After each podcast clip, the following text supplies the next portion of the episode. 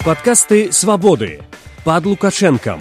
Як пачыналася і чым завяршаецца першае чвэрцьстагоддзя з Александром Лукашэнкам.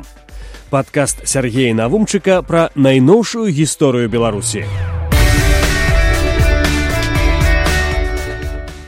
Праз год пасля абрання першага прэзідэнта было зразумела, што абяцанне кандыдатаў прэзідэнта Александра Лукашэнкі узняць заробкі, запусціць заводы, аднавіць парушаныя сувязі не выкананыя.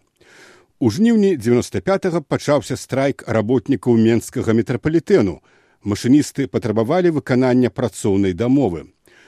У канфлікт з уладамі уступілі ўжо не актывісты беларускага народнага фронта, што афіцыйная прапаганда магла спісаць на імкненне нацыяналістаў учапіцца за мову ды засцяжкі, а тыя чым імём спачатку камуністы потым кебіч, а цяпер і лукашенко апраўдывалі свае крокі народ.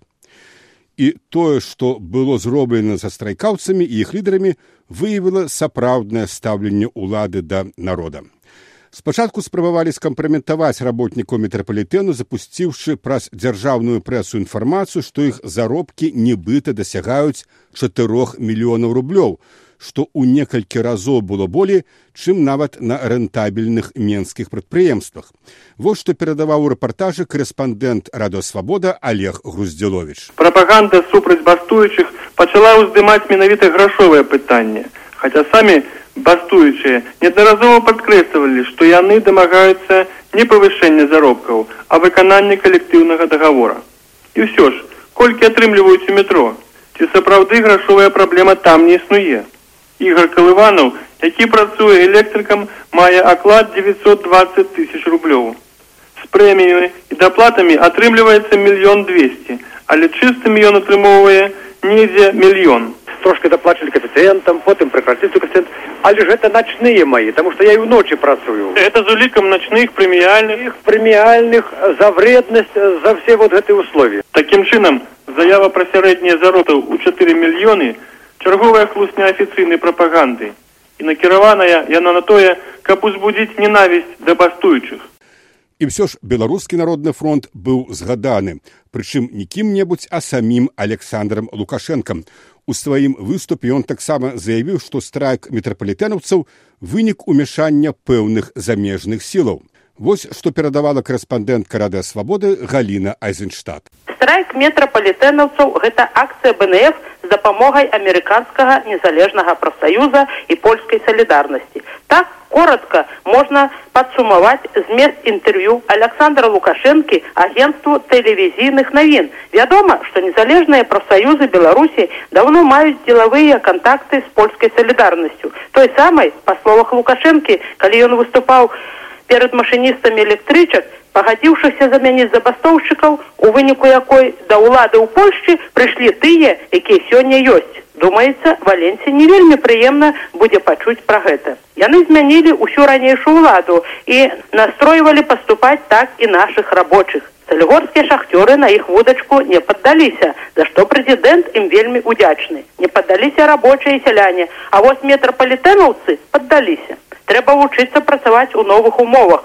Прывёў лукашенко словы пазняка і зазначыў што было праведзена тры семінары з удзелам замежных спецыялістаў на якіх яны вучылі дзеячоў беларускага свабоднага прафсаюзу як дзейнічаць каб найбольш нашкодзіць уладзе. Тактыка бнф лукашенко чамусьці атаясамляе фронт са свабоднымі прафсаюзамі гэта лічыць прэзідэнт тактыка дробных акцый пацверджанне слоў прэзідэнта яго інтэрв'ю двойчы перарывалася і на тэлеэкране з'яўлялася даведка падрыхтаваная ведомствам заметалена па месяцах было распісана дзе што і калі рабілі апазіцыі пазняк. У кучу змяшалі і галадоўку апазіцыі і сустрэчы з апазіцыйнымі палітыкамі ўкраіны рассеі і заявы пазняка падчас замежных камандыровак каб іншыя краіны не дапамагалі недэмакратычнай беларусі. Пры гэтым узгадалі і шушкевіча. І канешне акцэнт зрабілі на дапамозе у тым ліку і матэрыяльнай з боку амерыканскіх прафсаюзаў якія маўляў маюць намер звярнуць яе бо быццам незадаволены дзейнасцю беларускіх свабодных прафсаюзаў вось апошняе і вырашылі адпрацаваць яе як след, каб не пазбавіцца канчаткова. Дарэчы, заметалінскае ведомство прыпісала БНФ і дыскрэдытацыю прэзідэнта ў прэсе, хаця ўсім вядома, што нават пры вялікім жаданні такой магчымасці ў фронта няма, бо ўсе сродкі масавай інфармацыі знаходзяцца пад шчыльным надзорам самога заметаліна. У выніку страйку машыністаў менскага метрапалітэну рух цягнікоў парушыўся і ўлады замест выканання патрабаванняў страйкоўцаў пашлі на такія крокі, якія маглі скончыцца трагічна. У кабіны лакаматываў метро селі машыністы чыгункі, якія былі незнаёмыя са спецыфікай працы. Во што перадаваў Олег Груздзялович. Паразмаўляць незгодным з гэтых машыністаў мне так і не давялося, таму не выкарыстоўваю агіднае слова штрейбрэхер бо не ўпэўнены, што яны рабілі сваю справу не пад прымусам. У тыпо метрапалітэна, дзе ў пакоях адпачынку часоў размясціліся машыністы з Оршы Асіпович ды Баранович, мяне так і не пусцілі. Яно ў гэтыя дні ахоўваецца гэтак жа пільна, як і кабіны машыністаў, у кожны з якіх сядзіць па міліцыянту. Але вось што ўдалося высветліць ад нашых менскіх машыністаў. Усяго ў метро іх працуе прыблізна 150 чалавек. Напярэдадні страйку без тых, хто быў адпачынку ці хварэў, налічвалася каля сотні. Замяніць такую колькасць адразу было вельмі цяжка, але адміністрацыя разам з уладамі паспрабавалі. Выклікалі машыністу чыгункі зоршы Асіпович Баранович. Як казалі мне ўдзельнікі страйка, гэты былі недабраахвотнікі. Людзей прымусілі пад пагрозай звальнення. Цягнікі яны вадзілі магчыма добра, але метро іншая рэч. Па словах менскіх машыністаў ігра Александра, з якімі я сустрэўся ў метро кастрычніцкая, яны трымаліся да панядзелака, а потым, калі ўбачылі, хто стаў на іхнае месца, здаліся. Так бы мовіць, паддаліся на моцны уціск таму, што ўбачылі, калі паязды метро будуць вазіць чыгуначнікі, без ахвяр не абыдзецца. І апошні штрых. Мая гутарка з машыністамі іграм і Александром праходзіла прама на станцыі. Абодва машыніста казалі пра страшэнны ўціск на сябе з боку адміністрацыі і праваахоўчых органаў. Яшчэ адзін удзельнік забастоўкі Мікалай расказваў пра тое, як абрабатывалі ўсіх, хто жыве ў інтэрнаце. Пагражалі звальненнем, выклікалі ўсіх у пракуратуру. І відаць, сапраўды напалохалі людзей. Ва всякім разе ніхто з маіх суразмоўцаў не назваў сваё прозвішча. а потым да страйкаўцаў была прымененая сіла. 21 жніўня корэспандэнт радыёвабоды Алесь Хмельніцкі перадаваў. Як і дамаўляліся, сёння рабочыя метрапалітэну сустрэліся а сёмай гадзіны для будынку рэспубліканскага свабоднага прафсаюза. Аднак хутка ім патлумачылі, што збірацца нельга, інакш маўляў ужывем сілу. Рабочыя пагадзіліся разысціся і ўжо больш палова з іх рушыла як на пляц свабоды пачалі з'язджацца грузавікі ды аўтобусы за мапам спецназам ды міліцыянтамі было іх каля двадцаці але разганяць ужо не было каго а мап кінуўся на ўздагон у выніку як расказвалі сведкі дужыя хлопцы ў масках крапілі старшыню свабоднага прафсаюза работнікаў метрапалітэну владимира макарчука старшыню прафсаюза работнікаў чыгуначнага транспарту Миколая Канаха і яшчэ чатырох чалавек. Як ужо паведамлялася, на іх паводле позвы транспартнага прокурора Беларусі была крымінальная справа. Па артыкулу 186 частка 3 арганізацыя і ўдзел у групавых дзеяннях, што выклікалі парушэнне грамадскага парадку і руху транспарта. Разгляд справы не адкладалі надоўга і пачалі ранкам, але хутка аб'явілі перапынак з-за адсутнасці неабходных дакументаў. У гэты ж дзень у менскім гарадскім судзе разглядалася таксама справа страйкаваўшага першага тралейбуснага дэпо. Яна была адкладзена з-за таго, што позва кіраўніцтва дэпо не была накіравана менавіта на лідараў свабоднага прафсаюза. Стала таксама вядома, што старшыню рэспубліканская свабодная прафсаюза Геннадзя Быкова выклікалі ў пракуратуру. Да метадаў, якія прымяняліся да ўдзельнікаў страйку, мы яшчэ вернемся, А зараз каментар Валянціна Жданко, які прагучаў тыя дні на хвалях радыасвабода. Крызіснай сітуацыі з бастуючым метрапалітэнам улада зрабіла стаўку на сілавыя метады рашэння праблемы. Відавочна ставіцца мэта любой цаной у зародку задушыць забастовачны рух, не даць яму распаўсюдзіцца на іншыя галіны эканомікі, прадэманстраваць даведзенаму да адчаю працоўнаму люду, якім чынам могуць быць сустрэтыя ягоныя пратэсты. Міліцыя і спецназ былі гатовыя да прымянення сілы ў дачыненні да забастоўшчыкаў яшчэ ў суботу 19 жніўня. На плошчу свабоды да будынку, дзе сабраліся рабочыя, былі сцягнутыя больш дзясятка аўтамабіляў з закратаванымі вокнамі і некалькі грузавікоў са спецназаўцамі. Аперацыяй кіраваў прысутны там камандуючы ўнутранымі войскамі генерал Валянціна Галец са спецназаўцамі аснашчанымі бронекамізэлькамі і чорнымі маскамі узброенымі аўтаматамі і дубінкамі праводзіўся інструктаж ім належала ачысціць будынак і плошчу ля яго ад удзельнікаў страйку. Але да сутычак тады не дайшло забастоўшчыкі самі пакінулі будынак і мінуўшае чапленне накіраваліся да гарвы канкама Дзеля чаго спатрэбілася кідаць спецпадраздзяленні супраць некалькіх соцень людзей. Сярод такіх, дарэчы, былі жанчыны і дзеці. Якіх мэтаў можна было дабіцца, выгнаўшы людзей дубінкамі з офіса прафсаюзаў. Урэшце, навошта быў патрэбен маскарад з чорнымі маскамі і заклеенымі аўтамабільнымі нумарамі. Ніякай відавочнай лагічнай патрэбы ў насіллі не было. І адказ напрошваецца адзін. Улада спрабавала прадэманстраваць сілу, запалохаць забастоўшчыкаў, а адным разам і тых, хто мае ці будзе мець намер іх падтрымаць.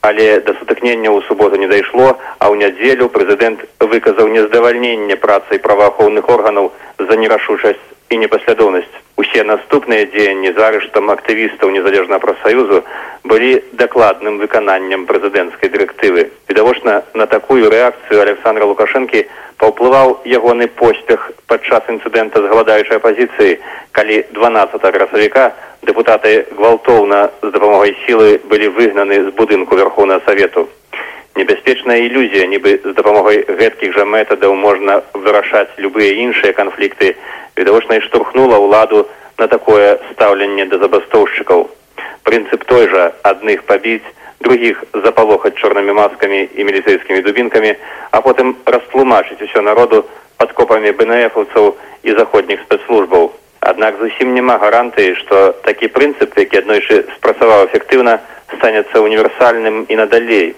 можна расправіцца з некалькімі десяткамі дэпутатаў можна зволіць паўсотні работнікаў метрапалітэну але нельга паслаць узброеных амонаўцаў ва ўсе працоўныя калектывы якія пакутаюць ад бясконцых прастояў і несвоечасовай выдачы зарплаты. Міліцейская дубінка бяссільная перад галоднымі масамі. На ўсе заводы і на ўсе прадпрыемствы міліцыю і амап накіраваць было сапраўды немагчыма, але можна было падавіць ініцыятараў страйку, што і было зроблена. Асноўная роля адводзілася в органам унутраных спраў. Міністрам унутраных спраў у жніўні 95 быў генерал Юры Захаренко, у мінулым адзін з памочнікаў дэпутата лукашэнкі па так званай антыкарупцыйнай камісіі незадаволенасць прэзідэнта лукашэнкі дзеяннямі падраздзяленняў унутраных спраў якія на ягоную думку былі недастаткова жорсткімі юрыем захарэнкам была улічаная амап пачаў дзейнічаць жорстка.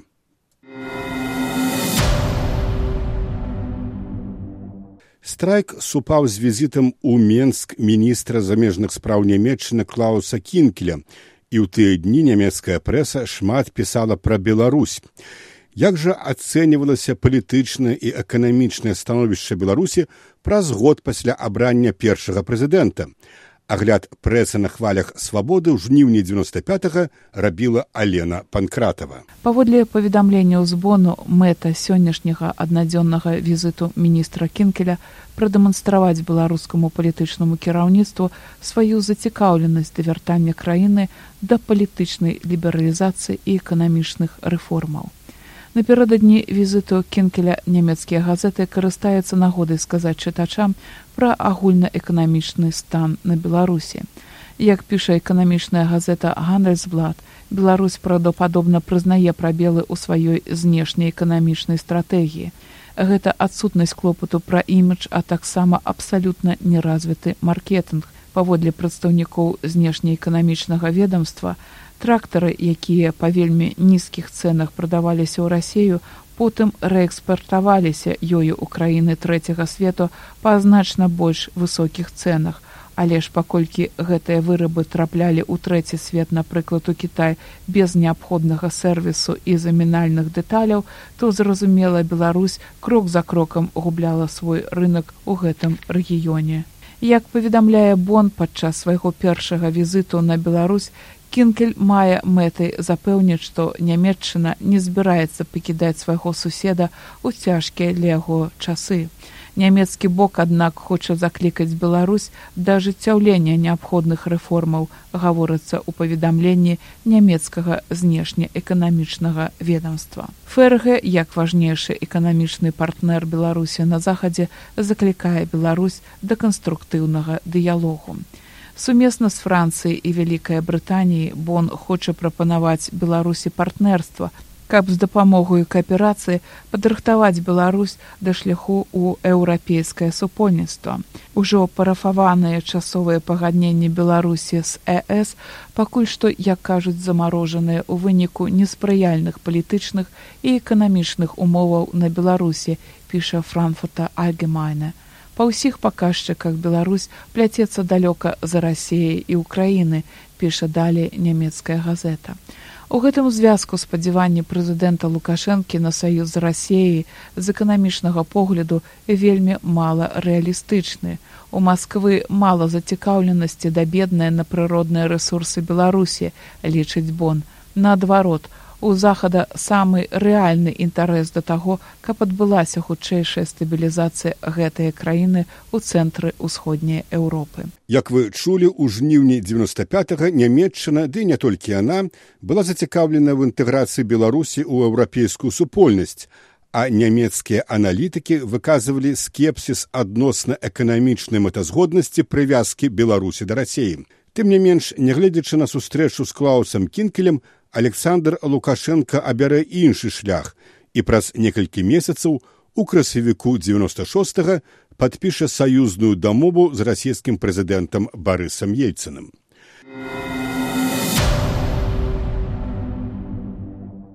але вернемся ў жнівень 95 страйк з менску перакінуўся ў рэгіёны. Так у гомлі спынілі працу кіроўцы тралейбусаў іх не напалохалі нават судовыя працэсы.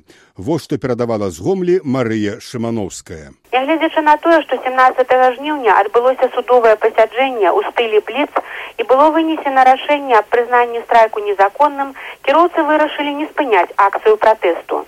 Сёння як і ў мінулыя дні на лінію выйшлі толькі сем тралейбусаў за рулём якіх настаўнікі кіроўцаў і асобы залежныя ад адміністрацыі Астатнія па-ранейшаму патрабуюць выплаты заработнай платы. Цяпер ужо за ліпень.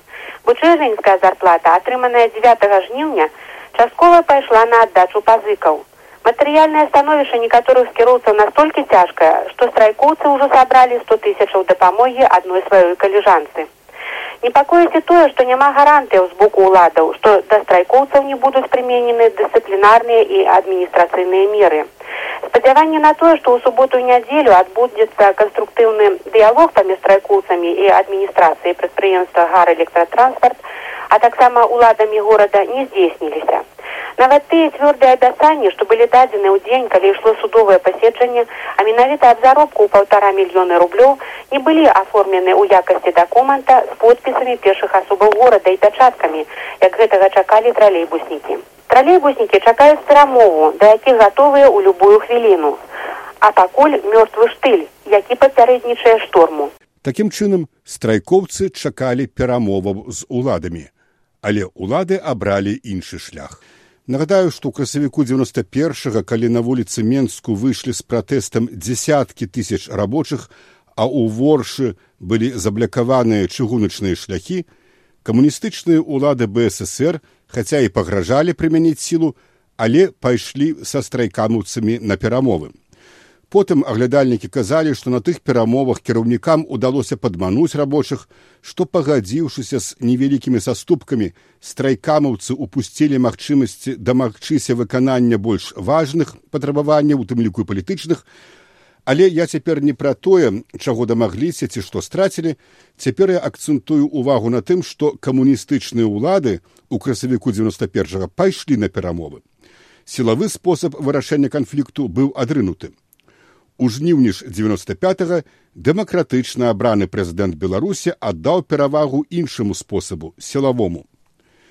Гэтаму не перашкодзіў нават візіт у беларусь міністра спраў нямецчына клауса кінкеля які супаў са страйкам на менскім метрапалітэне.